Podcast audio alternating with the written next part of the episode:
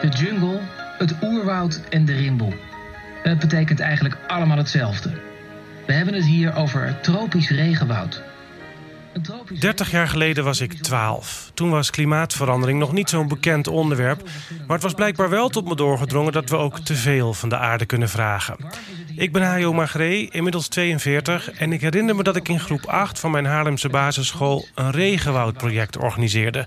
Ik denk vanwege een filmpje in school TV Weekjournaal.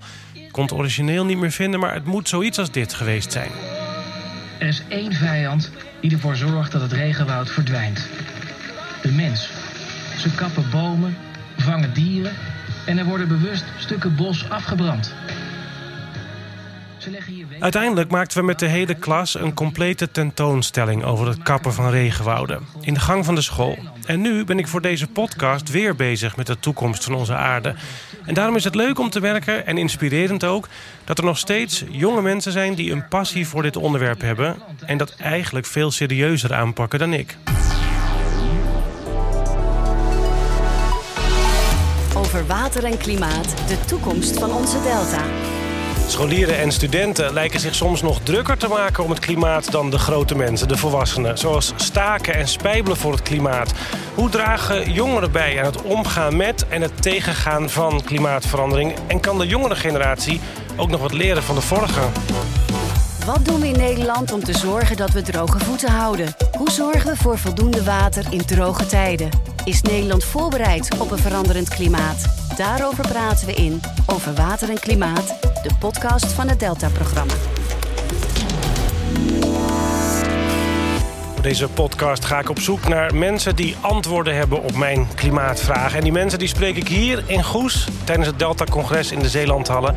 Ik maak deze podcast in opdracht van het Delta-programma. En daarin staan de plannen van de overheid om Nederland te beschermen tegen overstromingen, te zorgen voor genoeg zoetwater en te zorgen dat we ons land zo inrichten dat we voorbereid zijn op grotere droogte, hogere temperaturen en hardere regenbuien. En deze aflevering gaat dus over de verschillende generaties in het Delta-programma. Mijn gasten zijn Lilian van den Aarsen en Leontine van der Wielen. Afgesproken met jullie dat ik je mag zeggen. Hè? Leontine, eh, even bij jou wil ik graag beginnen. Kun je mij eens vertellen wie je eigenlijk bent, behalve je naam dan, en wat je doet in het dagelijks leven? Ik ben afgestudeerd eh, aan de Wageningen Universiteit in watermanagement. Ik heb gewerkt bij een waterschap twee jaar. En ik werk nu bij een uh, advies- en ingenieursbureau. En wat doe je daar? Ik uh, doe daar nu uh, werken voor de afdeling vergunningen en procedures. Maar ik richt me daar vooral op het omgevingsmanagement. Dat klinkt heel ingewikkeld. Omgevingsmanagement? Omgevingsmanagement, ja, het is een, een grote term misschien. Maar wat we eigenlijk doen is heel veel uh, overleggen, zorgen dat de omgeving wordt meegenomen in projecten. Stel bijvoorbeeld, uh, er wil een, een, dijk aanleggen, is het belangrijk dat, de, dat het technisch in orde is. Uh, dat de vergunningen natuurlijk op orde zijn, maar de mensen die er wonen, die er gebruik van maken, die, die vinden er ook wat van. En die moeten snappen wat je gaat doen. Het moet ook passen in hun dagelijkse gang van zaken. En sommige dingen kunnen dan niet, sommige dingen kunnen dan wel. En dat, dat moet ook allemaal naar boven komen en uitgesproken worden. En zo moeten de afwegingen worden gemaakt voor wat er dan uiteindelijk wordt gemaakt. Ja, nou gaat deze aflevering een beetje over de verschillende generaties. Kan je eens heel zachtjes vertellen hoe oud je bent? Ik word toevallig morgen 28. Oké. Okay. Dus nog net 27. En dan naar de buurvrouw, mijn andere gast aan tafel, Lilian van den Aarsen. Wat is jouw werk op het moment? Ik werk nu als directeur kennis, innovatie en strategie bij het ministerie van Infrastructuur en Waterstaat. Maar niet in die rol zit je hier aan tafel, denk ik? Hiervoor, hiervoor was ik uh, vijf jaar Delta-programma directeur Rivieren. En ik heb, ben ook, heb ook gestudeerd in Wageningen. Ik heb biologie gestudeerd en ben gepromoveerd in de ruimtelijke planvorming. En um, laat ik het voorzichtig vragen, hoeveel decennia ga jij ongeveer? ik ben 59 jaar jong. Dankjewel. Wat doet KIS? Even nog. KIS zorgt ervoor dat uh, het, ministerie, het beleid en uitvoering bij het ministerie zo goed mogelijk gebaseerd worden op uh, adequate en wetenschappelijke deugdelijke kennis. Dat we innovaties benutten die er in de buitenwereld zijn. Dat we samen uh, een gezamenlijke strategie ontwikkelen, bereid nou, voor, vooruitdenken. Ja, dus je komt dan ook wel met kennis over klimaatverandering. Zeker. Bij de klimaatadaptatie is een van de belangrijk, drie belangrijkste thema's die het ministerie van INW waar we het verschil willen maken. En kennis, eh, ook als basis voor innovaties die we nodig hebben, is, is een onmisbare ja, productiefactor voor ons ministerie. Ja, dankjewel. Ik ben Hajo Magree en straks hoor je verderop in deze podcast ook nog een reportage van onze verslaggever Richard Grootbot over studenten en de IJssel. En de reportage komt vanuit Zutphen.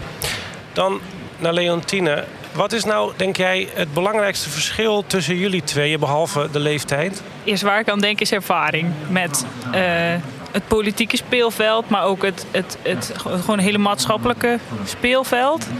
Uh, dat denk ik dat wel het grootste verschil is. En kan jouw gebrek aan ervaring, want dat zeg je misschien een beetje, minder ervaring in ieder geval, kan jou dat ook niet juist helpen ergens? Nou ja, ja, dat denk ik ook wel. Alleen de link met, met overheid of met bestuursmensen, noem ik het dan maar, is toch een beetje, een beetje eng of zo, vind ik. Voor mezelf, om daar toch.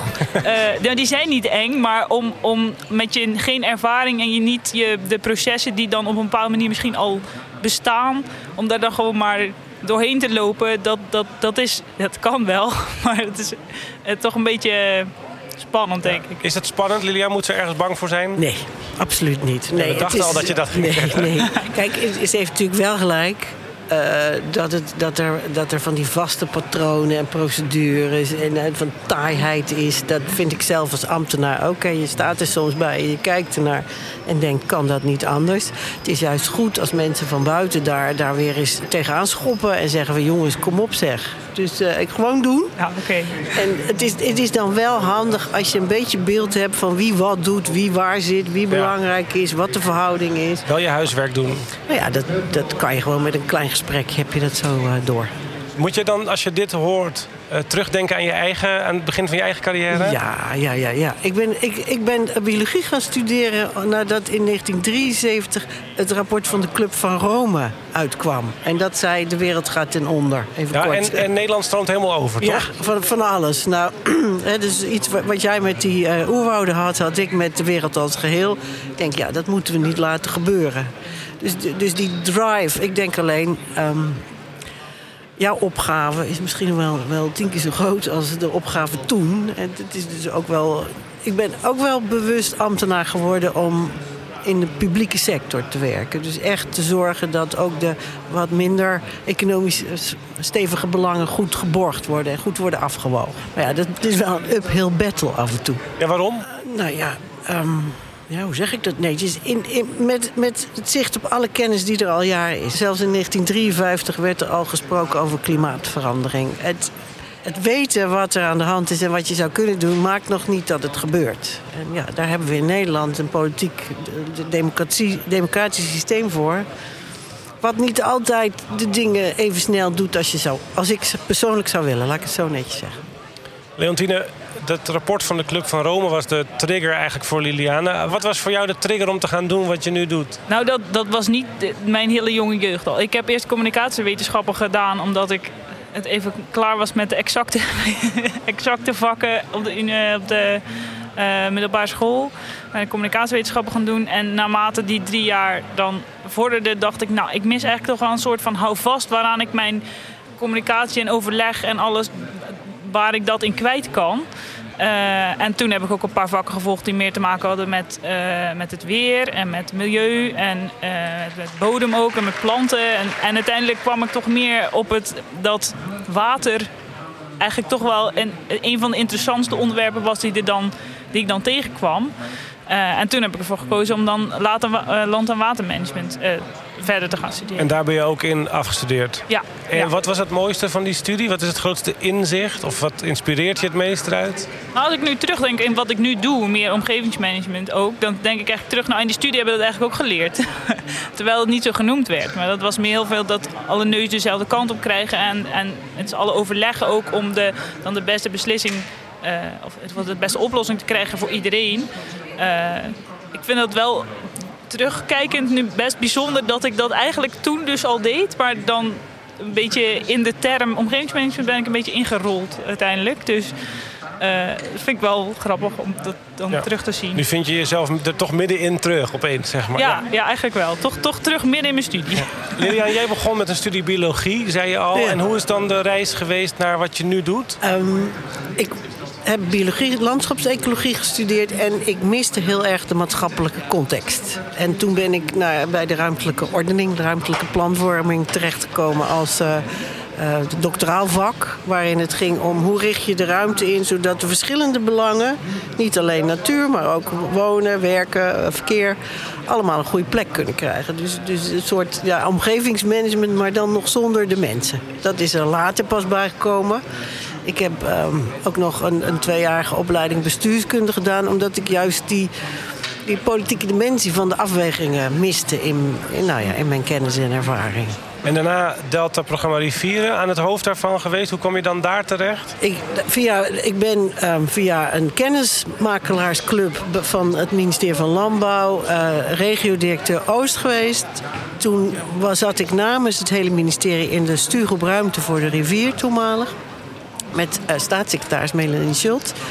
En vanuit daar ben ik gevraagd om het Delta-programma Rivieren uh, te leiden. En wat deed je dan aan het hoofd daarvan? Wat, waar, waar, ging het Delta-programma Rivieren over en wat was jouw rol? Nou, het Delta-programma Rivieren had als belangrijkste opgave om ervoor te zorgen dat er een maatregelenpakket met een, een gedeelde strategische onderleggen kwam om de hoogwaterveiligheidsnormen die. Kan, kan je, sorry, ik ga hier even, even gedeelde strategische onderleggen, want we, we praten hier voor mensen die er nog niet zoveel van weten.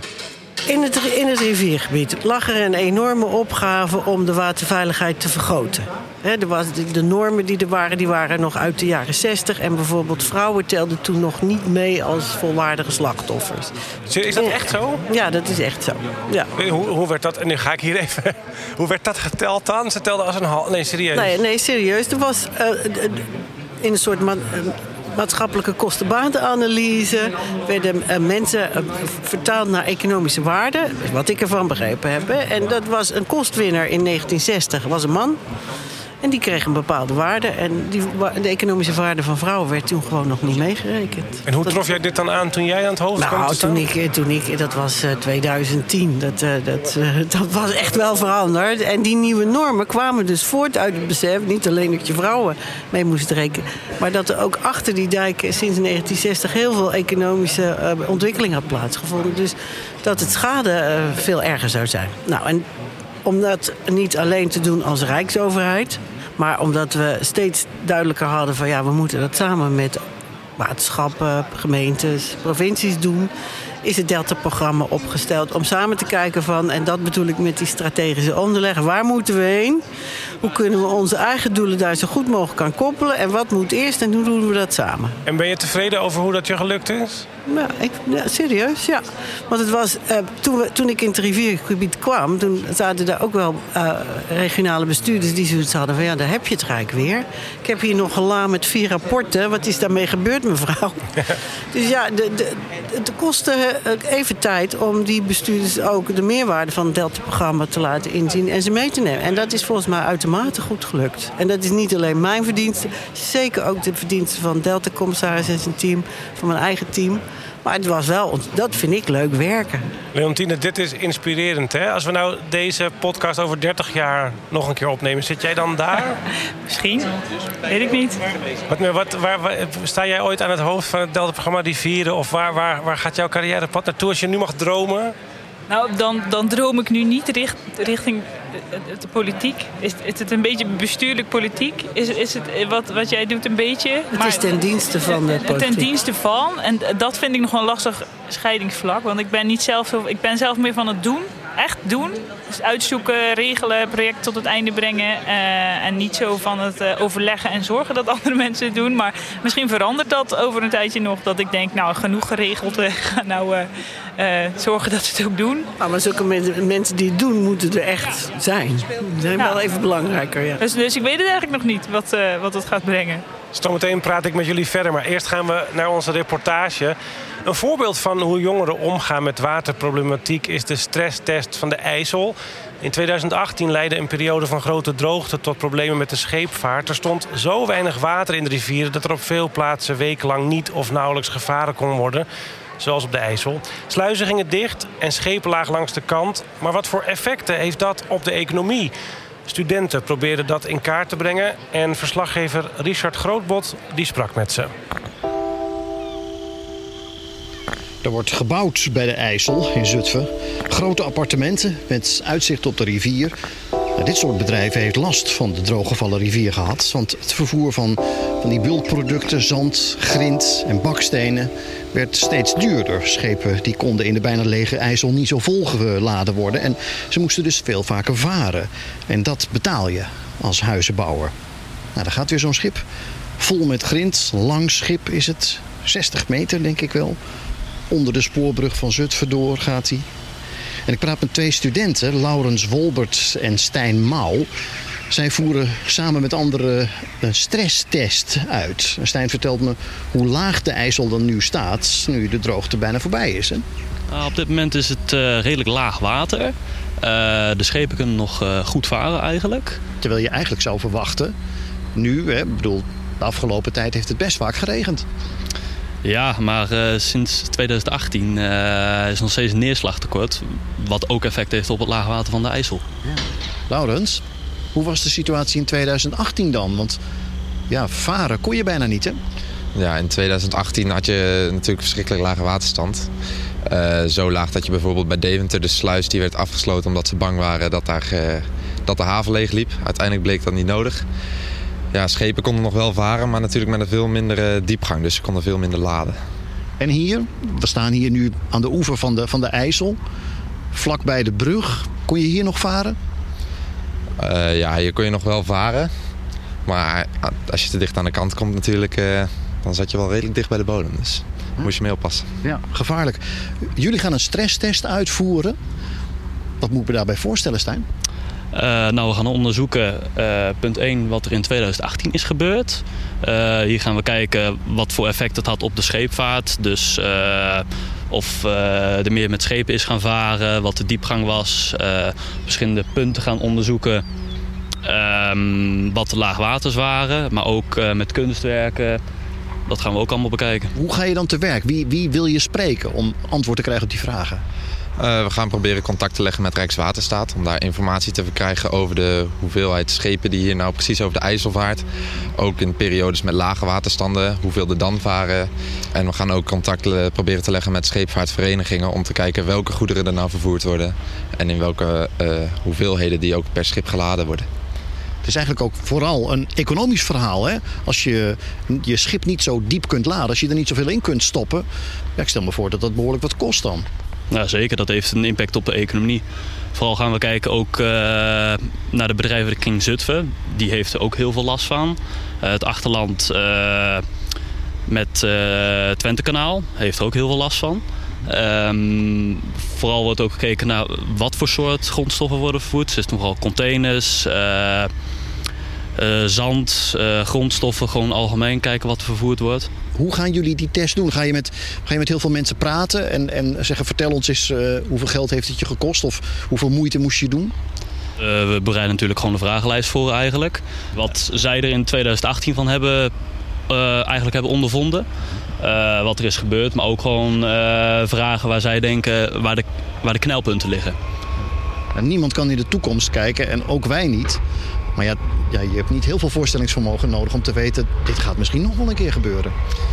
Ja, we gaan gewoon vooral kijken in het verleden natuurlijk. Hoe vaak is het voorgekomen? Nou ja, je kan natuurlijk wel een gok doen uh, of het weer in de toekomst uh, voor gaat komen. Ja, het gaat wel voorkomen, maar wanneer, dat weet je niet. Nee. Jullie gaan de komende tijd met heel veel mensen praten. Van welke achtergrond uit doen jullie dit? Is, past dit in je studie of wil je hier je toekomst van maken? Uh, ik doe zelf uh, civiele techniek met de minor Sustainable River Engineering. Dus het heeft wel degelijk... Wacht, wacht een sustainable... Onze minor is Sustainable River Engineering. Uh -huh. Dus uh, ja, vooral te maken met de rivier. En wij hebben ons, ons project is dan gewoon eigenlijk dit. Uh, ja, ik denk dat ik uiteindelijk bij een adviesbureau terecht ga komen. En uh, ja, dan ga ik me ook denk ik bezighouden met uh, rivieren, waterhoeveelheden, et cetera. Ja. Denk je, denken jullie dat we voldoende zeg maar, op ons netvlies hebben hoe belangrijk de droogte voor ons kan zijn?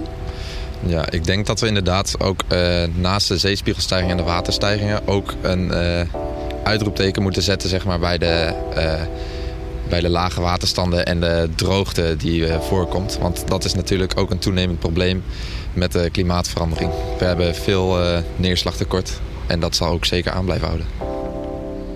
Twee studenten waren dat over de stresstest die ze uitvoerden bij ondernemers rond de IJssel. Als jullie dit zo horen, wat zijn dan de eerste gedachten daarover? Inspirerend? Ja, hartstikke goed. Dat, eh, kijk, die studenten, dat zijn de medewerkers van ons ministerie van de toekomst.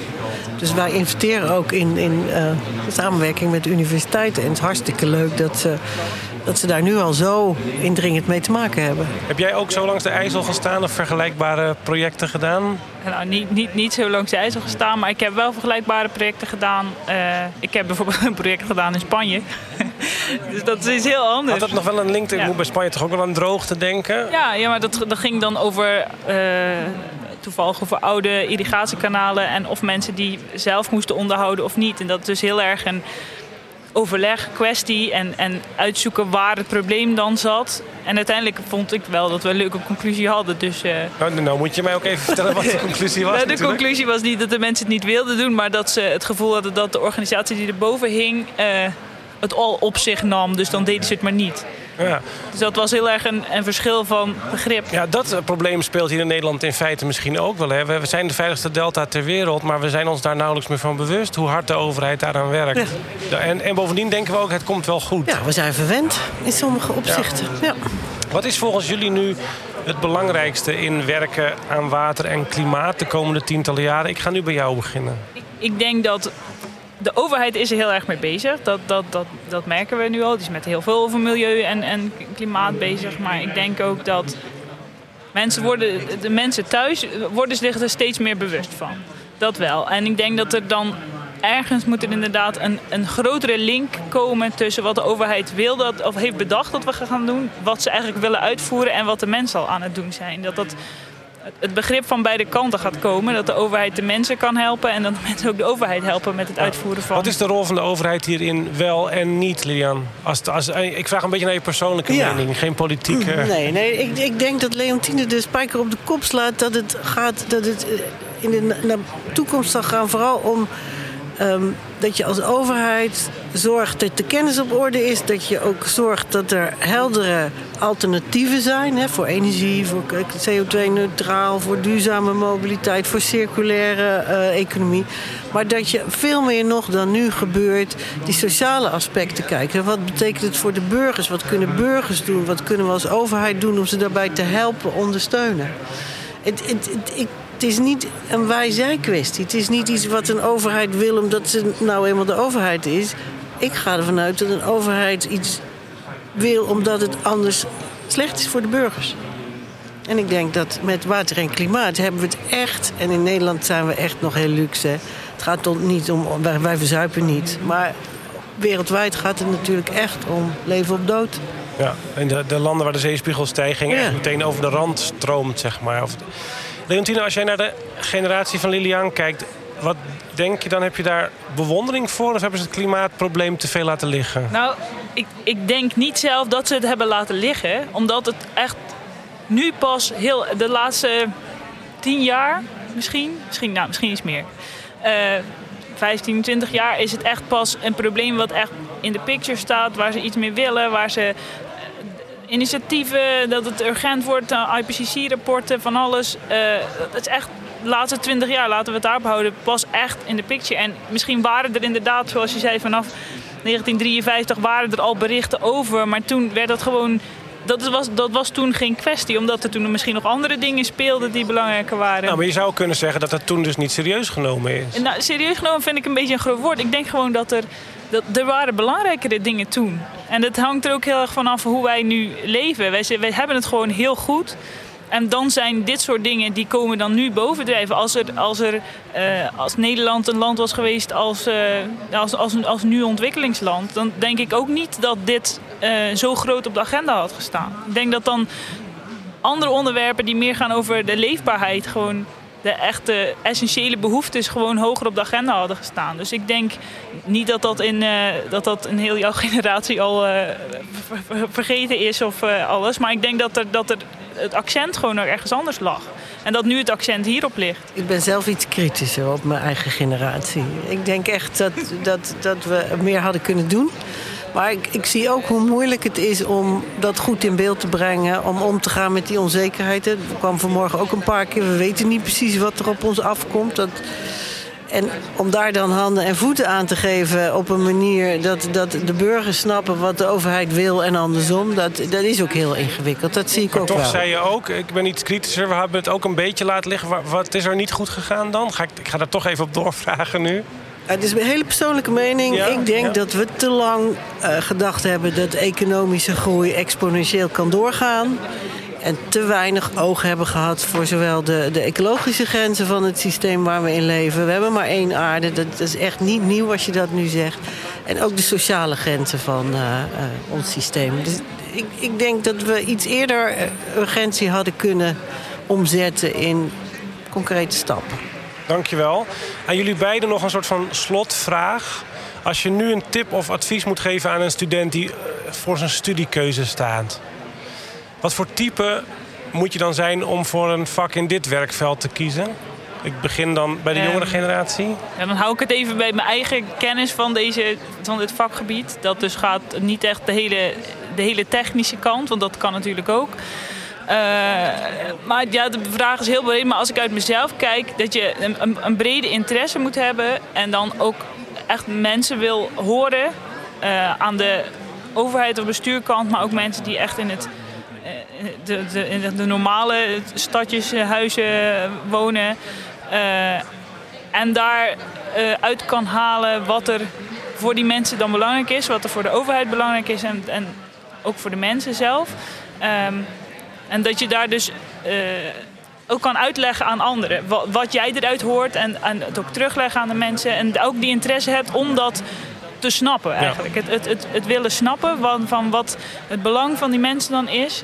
En wat het belang is van de overheid. En die twee samen proberen te brengen en dat ook uit te leggen. Dat is denk ik wel eh meerwaarde om dat te hebben. Dankjewel. Lilian, je hebt nu even over het antwoord na kunnen denken. Ah, nou, daarop aansluitend. Ik denk dat je zowel eh, een stevige ja, kennisbasis, technische kennis is, dus vakinhoudelijke kennis moet hebben. We hebben echt vakmensen nodig op het gebied van watermanagement. Maar ook dat je dat, dat moet kunnen eh, verbinden aan andere techniek. Dus water en recreatie, water en wonen. En dat je dus ook verschillende werelden met elkaar moet kunnen verbinden. Dus verschillende talen moet kunnen begrijpen. Het sluit heel erg aan op wat Leo Leontien zegt. Nou, dank jullie wel. Alle twee, Lilian van den Aarsen en Leontine van der Wielen. Als je nog een vraag hebt over deze podcastserie, dan kun je mij mailen. Dat kan naar podcast.deltacommissaris.nl. En daar mag je ook vragen aan Delta-commissaris Peter Glas naartoe sturen. Peter Glas staat aan het hoofd van al het werk in het Delta-programma. En in de laatste aflevering van dit seizoen gaan we die vragen dan samen met hem proberen te beantwoorden. Voor meer informatie over de onderwerpen uit deze aflevering kijk je in de show notes. Dat is de tekst bij deze podcast in je podcast-app. Of ga naar deltacommissaris.nl slash podcast. Daar staat alles overzichtelijk bij elkaar. En vergeet niet om je gratis op deze serie te abonneren met de subscribe of abonneerknop. Dan verschijnen nieuwe afleveringen automatisch in je podcast-app. Dank jullie wel alle twee.